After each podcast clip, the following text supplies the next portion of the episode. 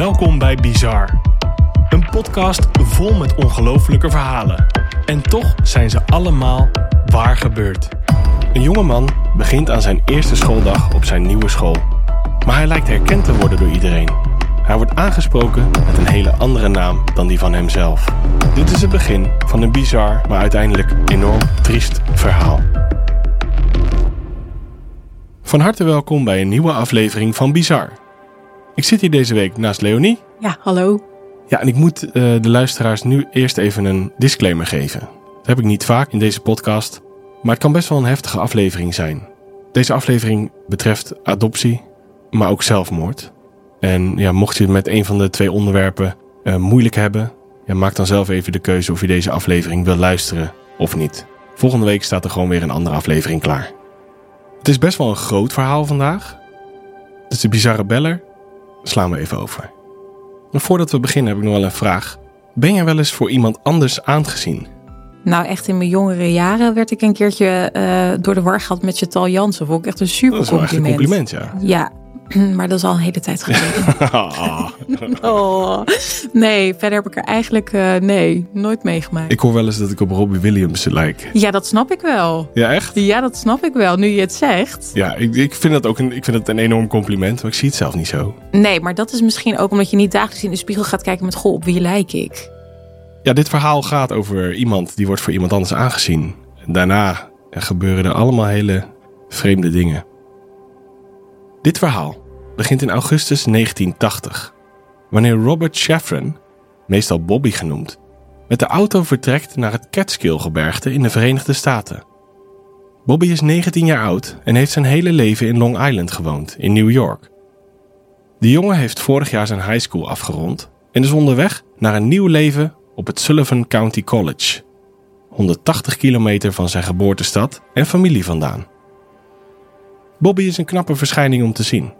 Hij is lang, heeft bruine krullen en zowel zijn schouders als zijn glimlach zijn enorm breed. Opgetogen rijdt de jongen over de beboste wegen van de staat New York in zijn bordeauxrode Volvo met groene motorkap. Op zijn vorige school werd de schrootbak die Old Bitch genoemd.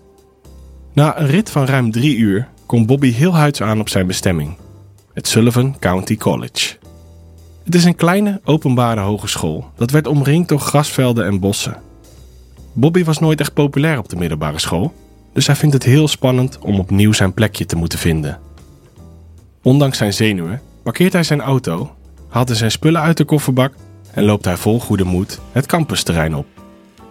Terwijl hij richting zijn nieuwe studentenkamer loopt, gebeurt er iets vreemds.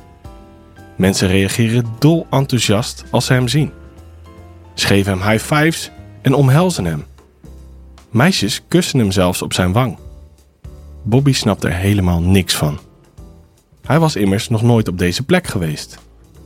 Good to have you back, Eddie, hoort Bobby een jongen op een gegeven moment zeggen. En nu valt het kwartje. Mensen halen hem door de war met iemand anders. Onderweg naar zijn studentenkamer hoort Bobby die naam nog een keer. How was your summer, Ed? Hey Eddie, nice to see you. Welcome back, Eddie. Wanneer Bobby eindelijk zijn kamer bereikt, gooit hij de deur achter zich dicht en probeert hij zich te beseffen wat er zojuist allemaal gebeurd is. Nog in de war van alles begint Bobby zijn spullen uit te pakken en zijn kamer in te richten, tot er plotseling op de deur wordt geklopt. Bobby maakt de deur open en voor hem staat een lijkbleke jongen van ongeveer zijn leeftijd. Een paar seconden lang staart de jonge Bobby in complete verbazing aan. Uit het niets vraagt hij: Ben jij geadopteerd? Bobby wordt verrast door de brutale vraag van de jongen, maar antwoordt: Ja. Die informatie lijkt even op de jongen in te moeten werken. Ben jij jarig op 12 juli? is zijn vervolgvraag. Ja, zegt Bobby weer. Dit keer klinkt er lichte frustratie door in zijn stem. Wat gebeurt er allemaal? Hoe oud ben je? vraagt de jongen. 19, antwoordt Bobby, nu zichtbaar geïrriteerd. Wie is deze jongen en wat wil hij van mij, denkt Bobby. Plotseling begint de ongewenste bezoeker enthousiast op en neer te springen en slaat hij zijn handen voor zijn mond van verbazing. Wanneer de jongen iets van rust terug heeft gevonden, spreekt hij de verbluffende woorden: Ik denk dat jij een tweelingbroer hebt. Terwijl Bobby de informatie op zich in laat werken, stelt de jongen zich voor als Michael Domnitz. Michael was vorig jaar een goede vriend van Eddie Gallant, de jongen die Bobby's tweelingbroer zou moeten zijn. Eddie zou dit jaar niet terugkeren naar Sullivan County College. Michael vertelt dat Eddie er exact hetzelfde uitziet als Bobby en dat hij ook is geboren op 12 juni 1961 en ook is geadopteerd. In een waas van enthousiasme en verbazing rent het tweetal naar het dichtstbijzijnde telefoonhokje en toetst Michael het nummer van Eddie in. Bobby neemt de horen over en houdt hem vol spanning tegen zijn oor. Hallo met Eddie, klinkt er door de horen. Bobby's mond valt open van verbazing. Hij hoort zijn eigen stem. Vervolgens bestookt Bobby Eddie met vragen. Hij kan haast niet geloven dat dit geen zieke grap is. Toch lijkt deze jongen echt de waarheid te spreken. Alles klopt. Dezelfde verjaardag, dezelfde leeftijd en beide geboren in het Jewish Hospital op Long Island. Als laatste check stelt Bobby de vraag: Wat is de naam van het adoptiebureau waar je vandaan komt? Eddie's antwoord ontneemt alle twijfels die Bobby nog had. Louise Wise Services. Hetzelfde adoptiebureau als waar Bobby vandaan komt. Zonder er verder nog over na te denken, springen Bobby en Michael in die old bitch en scheuren naar Long Island, waar Eddie woont. Het is dan 9 uur 's avonds en de rit zal ruim 2 uur duren. Het tweetal race over Route 17 met 140 km per uur, terwijl je er eigenlijk maar 80 mag rijden.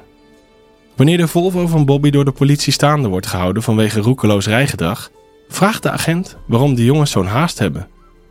Ik ga mijn tweelingbroer ontmoeten, is het bizarre antwoord dat Bobby de agent dan geeft. Midden in de nacht komen Bobby en Michael aan bij het huis van Eddie in Long Island.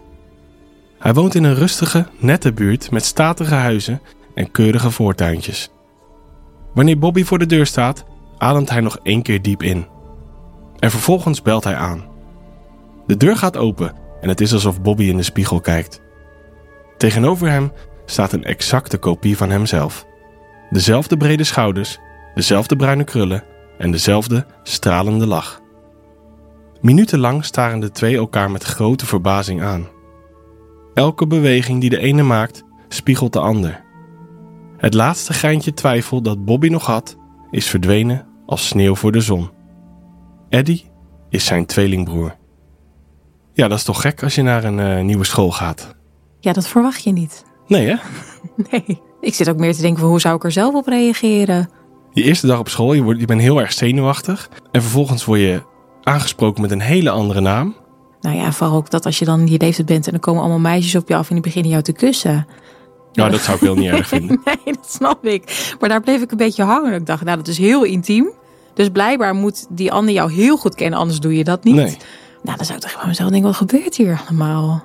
Maar ik vond die eigenlijk heel erg gezegd, die jongen heet die Michael. Ja. Die, uh, nou, dat vind ik een beetje freaky als je dat je zou overkomen. Als die vragen je ineens worden gesteld. Hè? Je bent net op je kamertje, je zit te denken van wat is hier nou gebeurd? En dan ja, gebeurt er eigenlijk nog iets veel gekkers. Ja, en vooral omdat het ook klopt. Kijk, als je denkt, ja, maar dat klopt helemaal niet. Maar het klopt allemaal. Dan zou je op een gegeven moment denken, joh, wie, wie ben jij? Heb je mij zitten stalken of wat? Uh... Ja, zoiets. Nee, ja, je hebt een tweelingbroer. Oh, oké. Okay. maar gewoon een, een tweelingbroer niet kennen. Ja, dat is toch... is natuurlijk heel raar. Ja. Het verhaal van de verscheurde tweelingbroers die elkaar door een speling van het lot weer tegenkwamen, wordt al snel opgepakt door de media.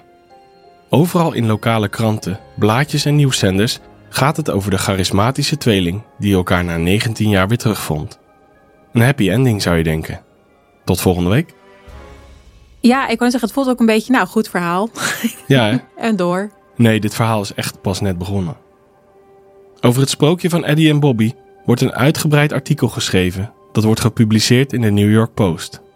Bij dit bericht zit ook een foto van het tweetal. En vanaf dan gaat het verhaal van hartverwarmend naar echt ongelooflijk. Een paar maanden later is het een doodnormale schooldag voor David Kelman, een 19-jarige jongen uit Queens. Plotseling wordt er een artikel uit de New York Post in zijn handen gedrukt.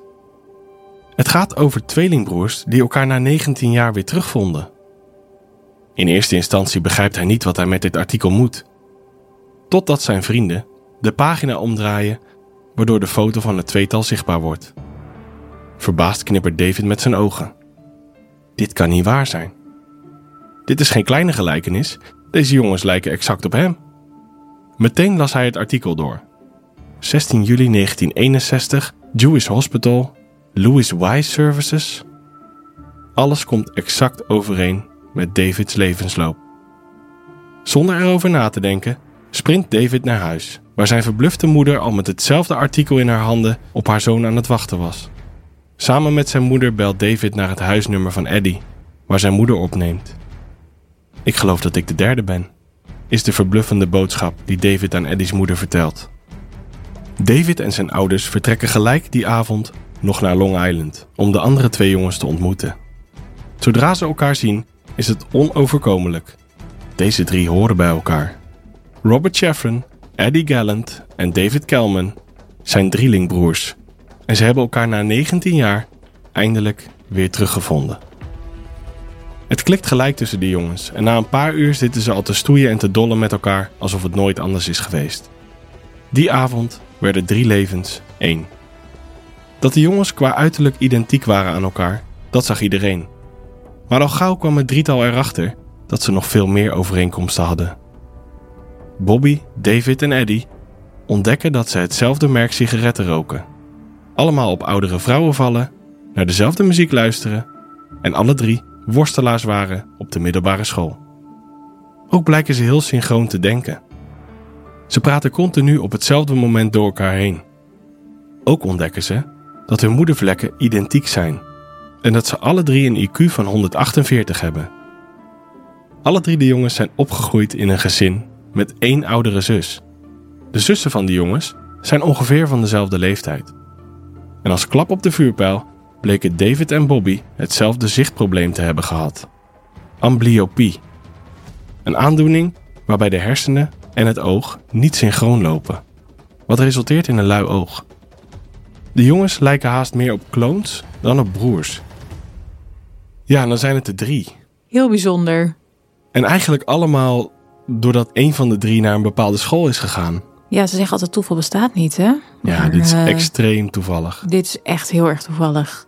En dat die jongen dat in een, in een blaadje of in een artikel ziet over die andere twee en denkt: ja, hallo, ik hoor hier ook bij.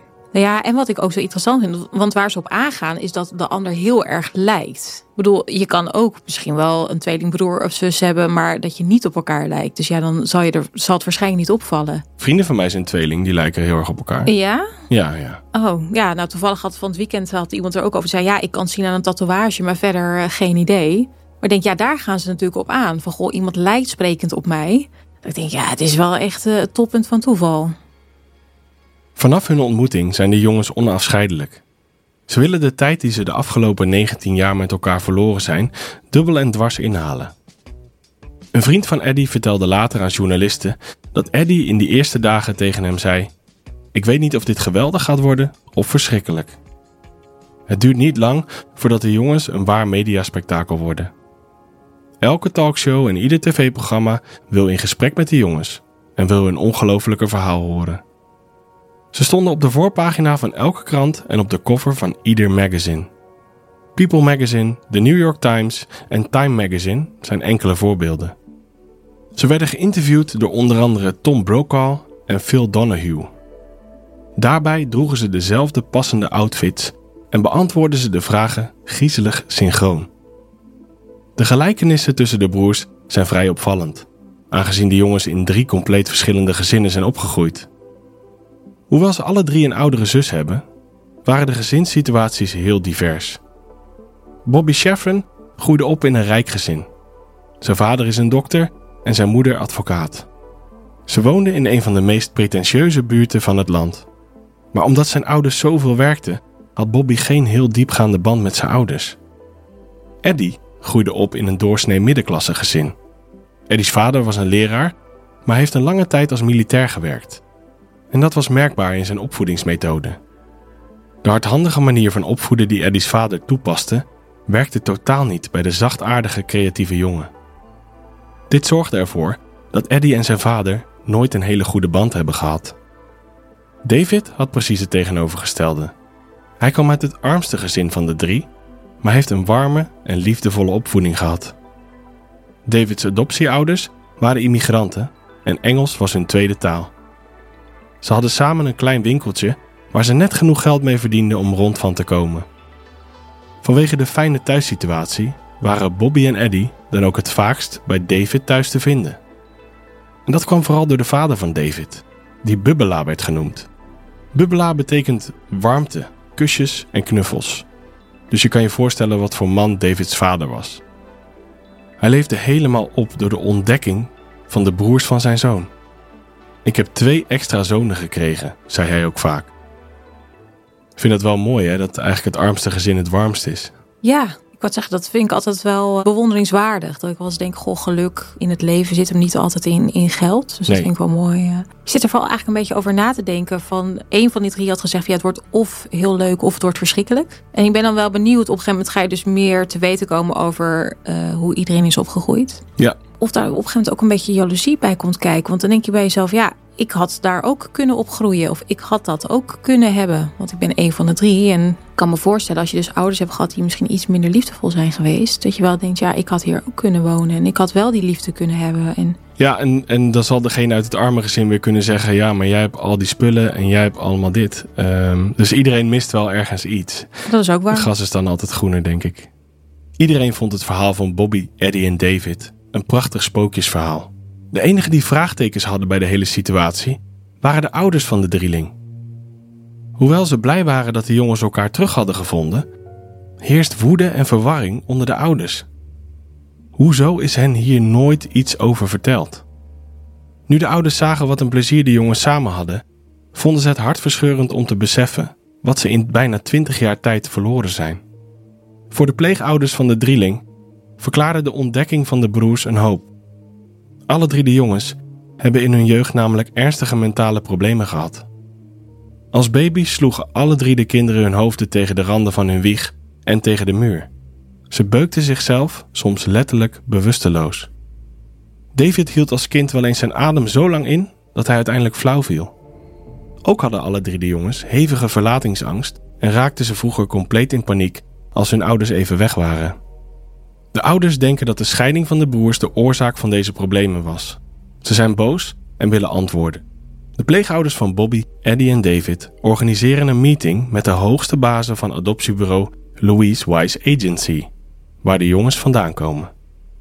Louise Wise Agency was een van de voornaamste adoptiebureaus van de Oostkust voor met name Joodse baby's. Tijdens de meeting geeft het adoptiebureau toe dat ze de jongens bewust van elkaar gescheiden hadden. De reden hiervoor was dat het erg moeilijk is om drie kinderen tegelijk in één gezin te plaatsen. Dus dat door de jongens te scheiden hun kans op adoptie groter werd. Het zou voor hun eigen bestwil zijn geweest. Davids vader, Bubbela, reageerde hier furieus op. Ik had ze alle drie genomen, schreeuwt hij uit. Na de vergadering verlaten de ouders het pand met een nutteloos gevoel. Ze zijn furieus over hoe alles is gelopen, maar begrijpen dat ze er niks meer aan kunnen doen. Wanneer de groep buiten in de regen staat, realiseert Bubbela dat hij zijn paraplu binnen heeft laten liggen. Hij gaat terug naar de chique zaal waar de vergadering plaatsvond om zijn paraplu te zoeken. En daar ziet hij iets onverklaarbaars. De werknemers van Louise Wise, waar ze net de vergadering mee hebben gehad, staan feestelijk rond de tafel. Ze ontkurken een fles champagne en praten uitgelaten met elkaar. Er heerst een opgeluchte sfeer, alsof ze een dans ontsprongen waren. Na deze ontdekking van de vader van David stappen de ouders direct naar pretentieuze advocaten om hen te helpen een zaak op te zetten tegen het adoptiebureau. In eerste instantie reageren deze advocaten enthousiast op de zaak en willen ze de pleegouders dolgraag helpen. Toch werden ze later keer op keer de deur gewezen. Door een conflict konden de advocaten hen niet verder helpen, of ze hadden een aantal partners die via Louise Wise wilden adopteren en ze wilden hun kansen niet verpesten. Zwaar gefrustreerd moeten de ouders de strijd opgeven. Bobby, Eddie en David zelf hadden weinig last van de woede van hun ouders. Ze zijn te blij dat ze elkaar hebben gevonden. De broers zijn in korte tijd beste vrienden geworden en ze spenderen zoveel mogelijk tijd samen. Ze zaten op dezelfde universiteit, werkten in hetzelfde restaurant en behaalden alle drie hun diploma in internationale marketing. De jongens genieten volop van elkaars gezelschap en zetten samen het uitgaansgebied van New York in de jaren 80 flink op stelte. Seks, drugs en rock'n'roll. De jongens nemen het ervan. Door alle media-aandacht die de jongens hebben gekregen, hebben ze flink wat naamsbekendheid opgebouwd. En dat is iets waar ze gretig gebruik van maken. Ze komen binnen bij de grootste en bekendste clubs van New York. Uiteraard op de voet gevolgd door journalisten en roddelpers.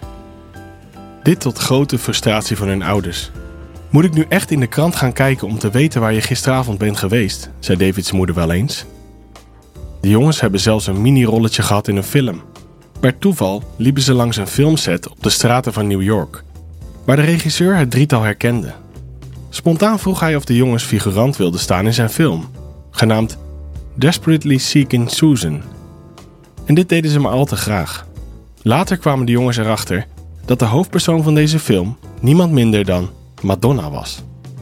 Ongeveer een jaar na hun ontmoeting besluit de drieling om samen te gaan wonen in een appartement in New York. De woning van de heren was echt een mannenhuis, waar de jongens maar al te graag feestjes in vierden of mooie dames mee naartoe namen. Vrienden van de jongens noemden het de Triplets Apartment. Het drielingschap bleek niet alleen gezellig, maar ook nog eens buitengewoon praktisch. Toen Eddie een keer darmproblemen had, schreef hij zich bij het ziekenhuis in als Bobby. Die was namelijk wel verzekerd. Niks of niemand kon de jongens in deze tijd meer van elkaar scheiden. Na deze wilde jaren vinden de jongens wat meer rust. Ja, dat is natuurlijk wel een voordeel dat je gewoon eigenlijk hoeft één iemand maar verzekerd te zijn en de rest die kan gewoon. Uh... Ja, of je hebt een belangrijke meeting op je werk en iemand is heel goed in presentaties geven. Nou, dan laat je die dat toch even doen. En de ander is weer heel goed in dat. Nou, dan doet die dat toch even. Ja. Dat lijkt me ideaal. Of je hebt echt geen zin in je date en je stuurt, uh, stuurt je broer. En wat een lol heb je dan met elkaar? Dat lijkt me vooral dat je zelf gewoon zoveel plezier hebt in het leven, omdat jij weet hoe het in elkaar zit. Echt onbetaalbaar. Volgens mij heb ik toen op de middelbare school ook een keertje een tweeling gehad. En dat die achteraf ook zeiden, ja, die heeft toen een keer voor mij een bepaald examen gedaan. Dat is handig, hè? Ja, maar ik denk dat dat toen tijd ook iets makkelijker kon dan tegenwoordig. Of een keertje dat je gewoon ja, te brak bent voor werk en dat je zegt, joh, uh, kun jij even gaan? Ja, dat is toch heerlijk? Na deze wilde jaren vinden de jongens wat meer rust. Alle drie krijgen ze een vaste relatie en krijgen ze zelfs kinderen. Het betekende echter niet dat hun sterke band minder werd. Integendeel zelfs. Het drietal opent in 1988 hun eigen restaurant in New York met de toepasselijke naam Triplets. Het was een hip restaurant met jonge, gezellige bediening, maar met een traditioneel Oost-Europees menu. Bovenop de traditionele gerechten hadden de jongens nog hippe extra's, zoals ijsblokjes van wodka bijvoorbeeld. Aan het einde van de avond stonden alle gasten van Triplets te dansen op de tafels. Het was één groot feest. Het is dan ook geen verrassing dat Triplets een groot succes was. In hun eerste jaar maakte de drieling een omzet van meer dan een miljoen. Ze hadden de tijd van hun leven. En dan maken we een tijdsprong naar halverwege de jaren 90. Het is 1994 wanneer journalist en schrijver Lawrence Wright bezig is met een verhaal over identieke tweelingen voor de New York Times. Tijdens zijn uitgebreide onderzoek stuit hij op een obscuur wetenschappelijk artikel genaamd De psychoanalytische studie van het kind. In dit artikel wordt verwezen naar een geheime studie waarbij identieke meerlingen van elkaar gescheiden werden. De kinderen werden expres voor het experiment uit elkaar gehaald. Al deze meerlingen kwamen van hetzelfde adoptiebureau uit New York. En ik denk dat je nu wel weet waar dit heen gaat. Louise Wise Services. Dit raadselachtige artikel deed hem denken aan een verhaal die hij had gelezen over een drieling die elkaar na 20 jaar weer terug had gevonden. Wright deed wat research en ontdekte al snel de ijzingwekkende waarheid. Alles wat in het geheimzinnige artikel staat geschreven, komt exact overeen met het verhaal van de populaire drieling Eddie Gallant, Robert Sheffron en David Kelman. Meteen zocht hij contact met het drietal en uiteindelijk wist de journalist Eddie te pakken te krijgen. Telefonisch vertelt Wright de verschrikkelijke waarheid. Jullie zijn proefpersonen van een experiment. Deze informatie slaat in als een bom bij de drieling en hun families. Vragen die al heel hun leven vaag waren, werden plotseling beantwoord. Hints uit het verleden kwamen bovendrijven, met name door de pleegouders van de jongens. Toen Eddie, Bobby en David werden geadopteerd, werd aan hun nieuwe ouders verteld dat er eens in de zoveel tijd een onderzoeker langs zou komen voor een onderzoek over de ontwikkeling van adoptiekinderen. Deze onderzoekers deden allerlei tests bij de kinderen: persoonlijkheidstesten, IQ-tests, oog-handcoördinatietesten enzovoort. Ook werden de jongens gefilmd tijdens bijvoorbeeld het fietsen, zwemmen of rennen. Naarmate de jongens ouder werden, begonnen de tests complexer te worden. En kregen ze er een beetje een oncomfortabel gevoel bij. Tot een tiende kwamen de onderzoekers geregeld langs. Maar daarna waren ze plotseling verdwenen. De ouders van zowel Bobby als Eddie als David hebben nooit meer iets van de onderzoekers vernomen. De ouders van de jongens voelen zich belazerd. Zij wisten van niks. Jarenlang is hen verteld dat dit een regulier onderzoek was waar ieder adoptiekind van Louise Wise aan mee moest doen. Nooit is hen iets verteld over de ware intenties van het experiment of over het feit dat de kinderen drieling waren. De initiatiefnemer en leider van het onderzoek was dokter Peter Neubauer, een psychiater uit Oostenrijk. Hij studeerde aan de Universiteit van Wenen. Maar zijn opleiding werd verstoord door de inval van Oostenrijk door Nazi-Duitsland. Hij ontsnapte tijdens de nazi-overheersing naar het neutrale Zwitserland, waar hij aan de Universiteit van Bern zijn diploma in psychiatrie behaalde in 1941. Al gauw werd Neubauer een bekende naam binnen de psychiatrie. Anna Freud, de dochter van de wereldberoemde psycholoog Sigmund Freud, kwam zelfs geregeld bij de psychiater over de vloer. Vrienden en collega's omschrijven Neubauer als een knappe, sexy en intelligente man, die heel erg goed was in het charmeren en beïnvloeden van andere mensen. Na een aantal jaar binnen het werkveld kreeg Neubauer een duidelijk doel voor ogen. Hij wilde het nature-nurture debat voor altijd oplossen. Hij wilde erachter komen wat ons maakt tot de mensen wie we zijn. Onze omgeving en opvoeding of het genenpakket waar we mee geboren zijn. Jarenlang werkte Neugebauer aan een groots experiment waarmee hij deze vraag voor eens en voor altijd zou kunnen oplossen. Zijn manier om deze oplossing te vinden werd al snel duidelijk, door middel van meerlingen. Zij hebben dezelfde genen, dus zijn qua DNA exact hetzelfde.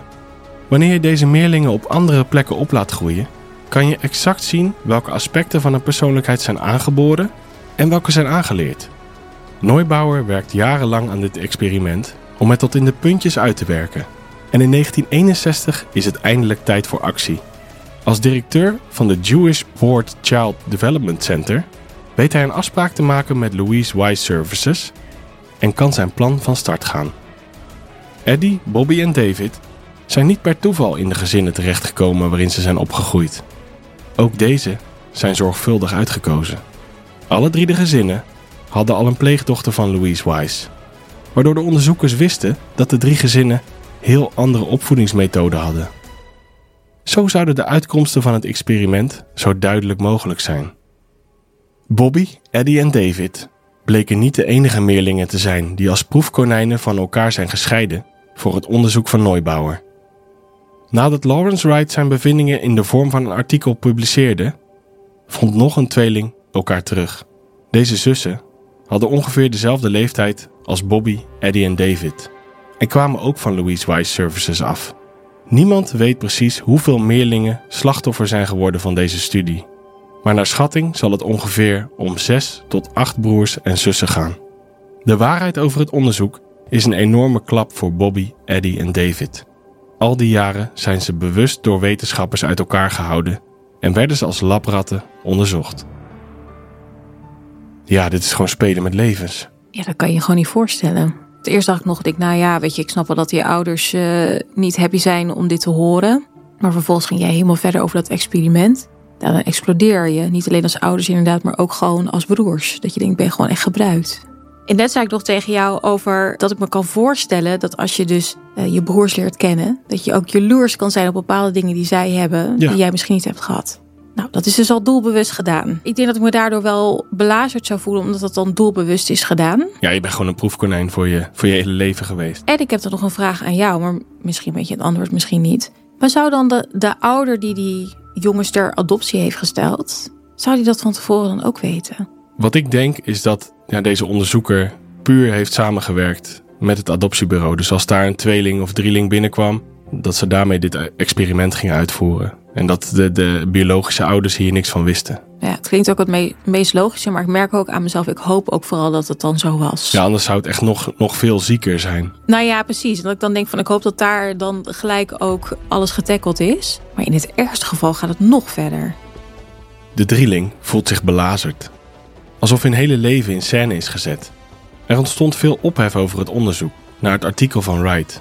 Mensen vergeleken de experimenten van Neubauer zelfs met de tweelingexperimenten die de nazi's uitvoerden op Joodse kinderen in de Tweede Wereldoorlog.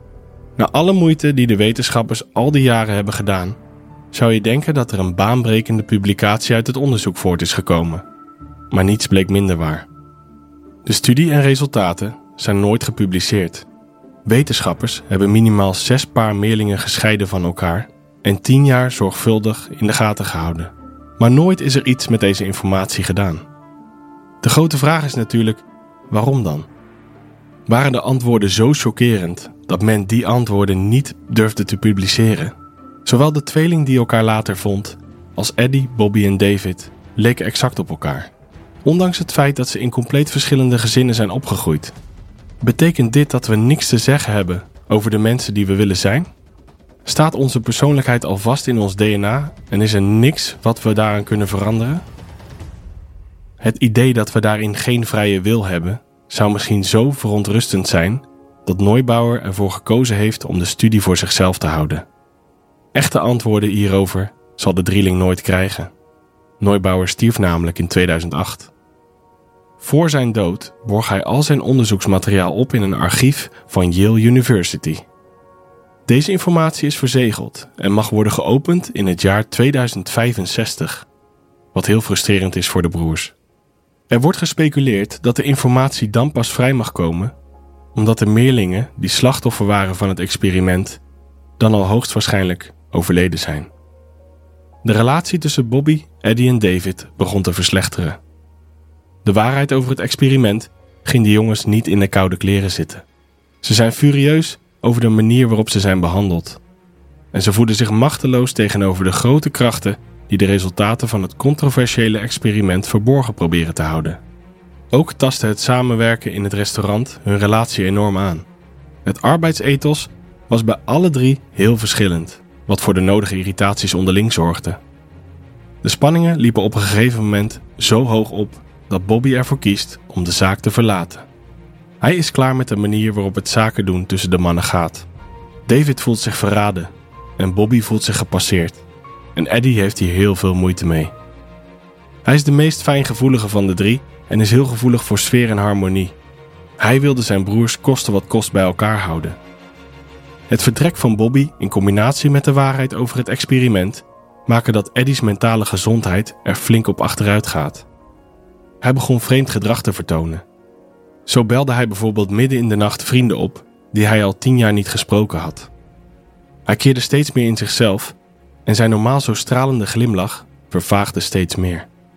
Eddie is een charmante, liefdevolle man, maar er zit een hele diepe duisternis in hem. Hij werd manisch depressief.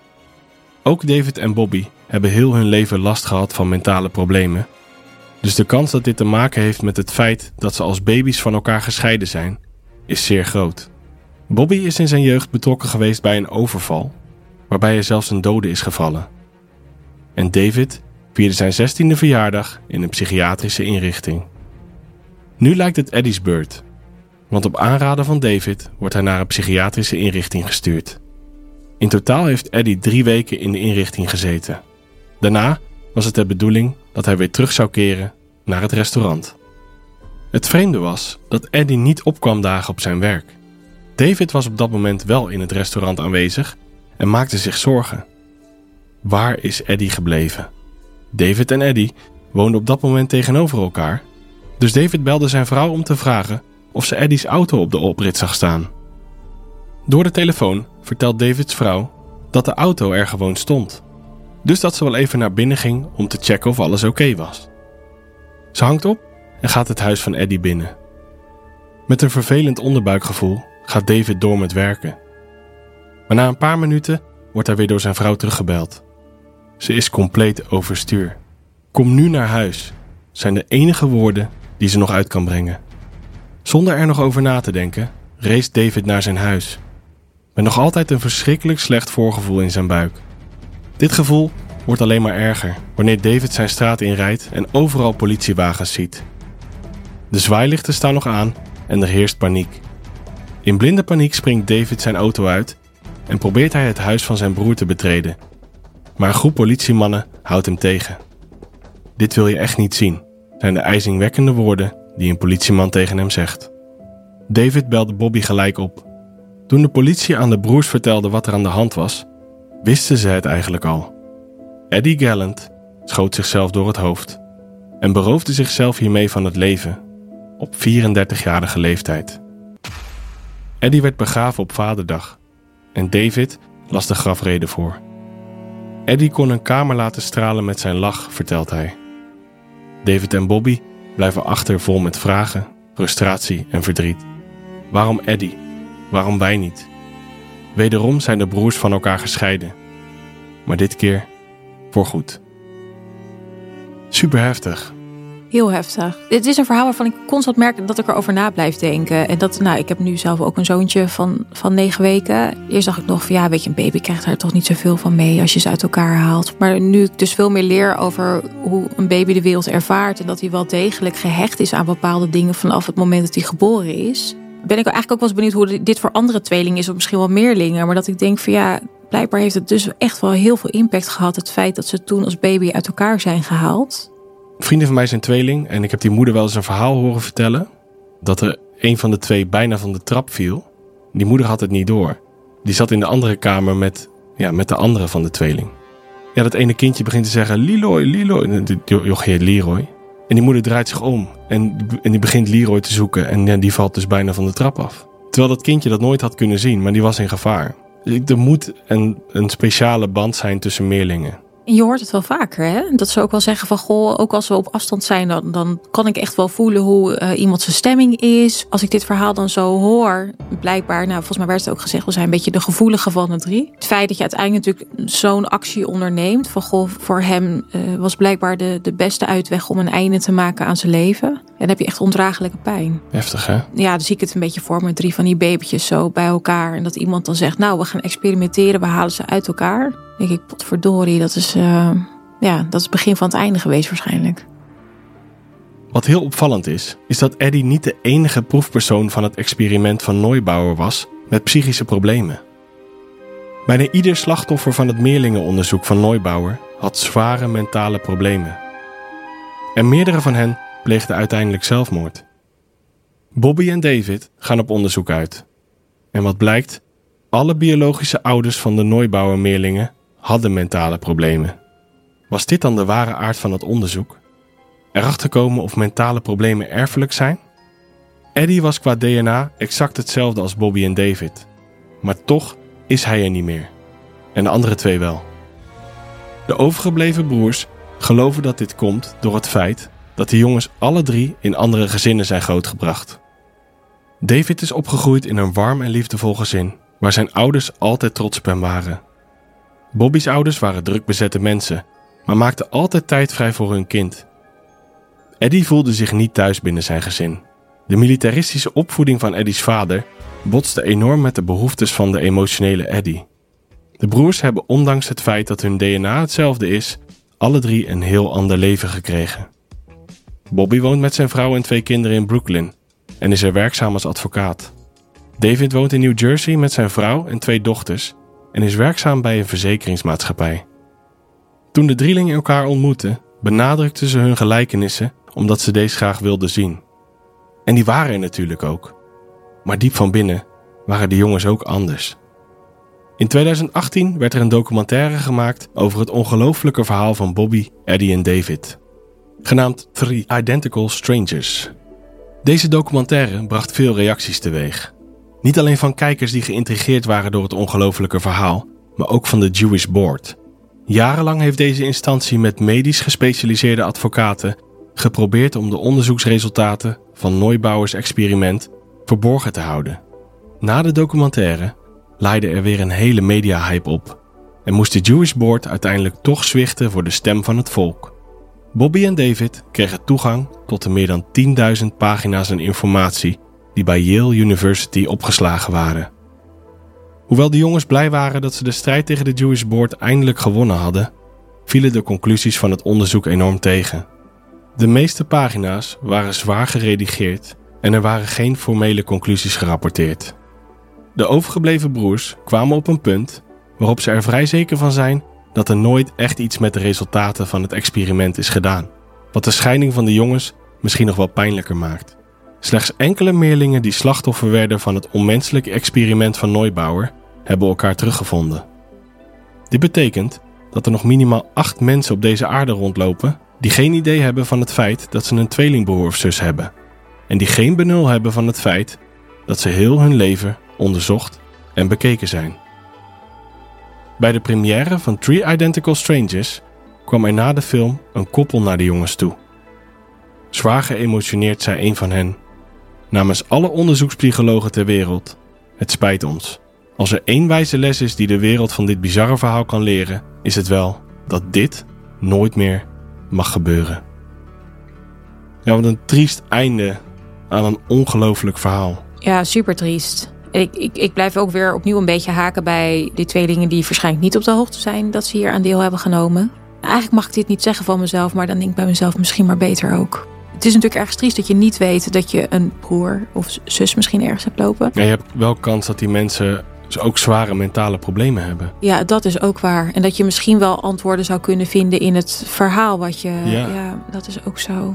Er zijn gewoon geen winnaars. Weet je, dat, dat is ook gewoon. Ik heb zelf ook tot therapeut geleerd. En ik, ik weet een klein beetje van de psychologie. En zeker van die tijd. Die kon echt barbaars zijn. Laten we heel eerlijk zijn. Ja, ja, zeker, zeker. toen de tijd waren er ook onderzoekmethoden waarvan je nu denkt dat kan gewoon niet. Maar dit is vrij recent. Het is echt puur nutteloos. Er is gewoon echt niks uitgekomen waarvan je zegt: dit maakt het een klein beetje goed. Nee, nu zullen sommige onderzoekers wel zeggen dat je er bepaalde dingen uit kan halen. Maar het slaat nergens op. Je gaat mensen niet behandelen als soort labrat of proefkonijn. Precies dat. Hun hele leven is hiermee gewoon eigenlijk plat gezegd naar de kloten. We zijn natuurlijk ook ontzettend benieuwd wat jullie van dit verhaal vonden. Laat het even weten onder de foto's op de Instagram, het Bizar Podcast. En mag ik nog een soort specifieke vraag doen? Ja, Want ik ben zo benieuwd als er nu tweelingen luisteren, hoe zij naar dit verhaal kijken. En of dat zij inderdaad ook herkennen dat je inderdaad iets kan voelen bij de ander. Of dat, nou ja, die verhalen. Dat ik denk, joh, laat het even achter in de comments. Hoe dat is om als tweeling dit verhaal te horen.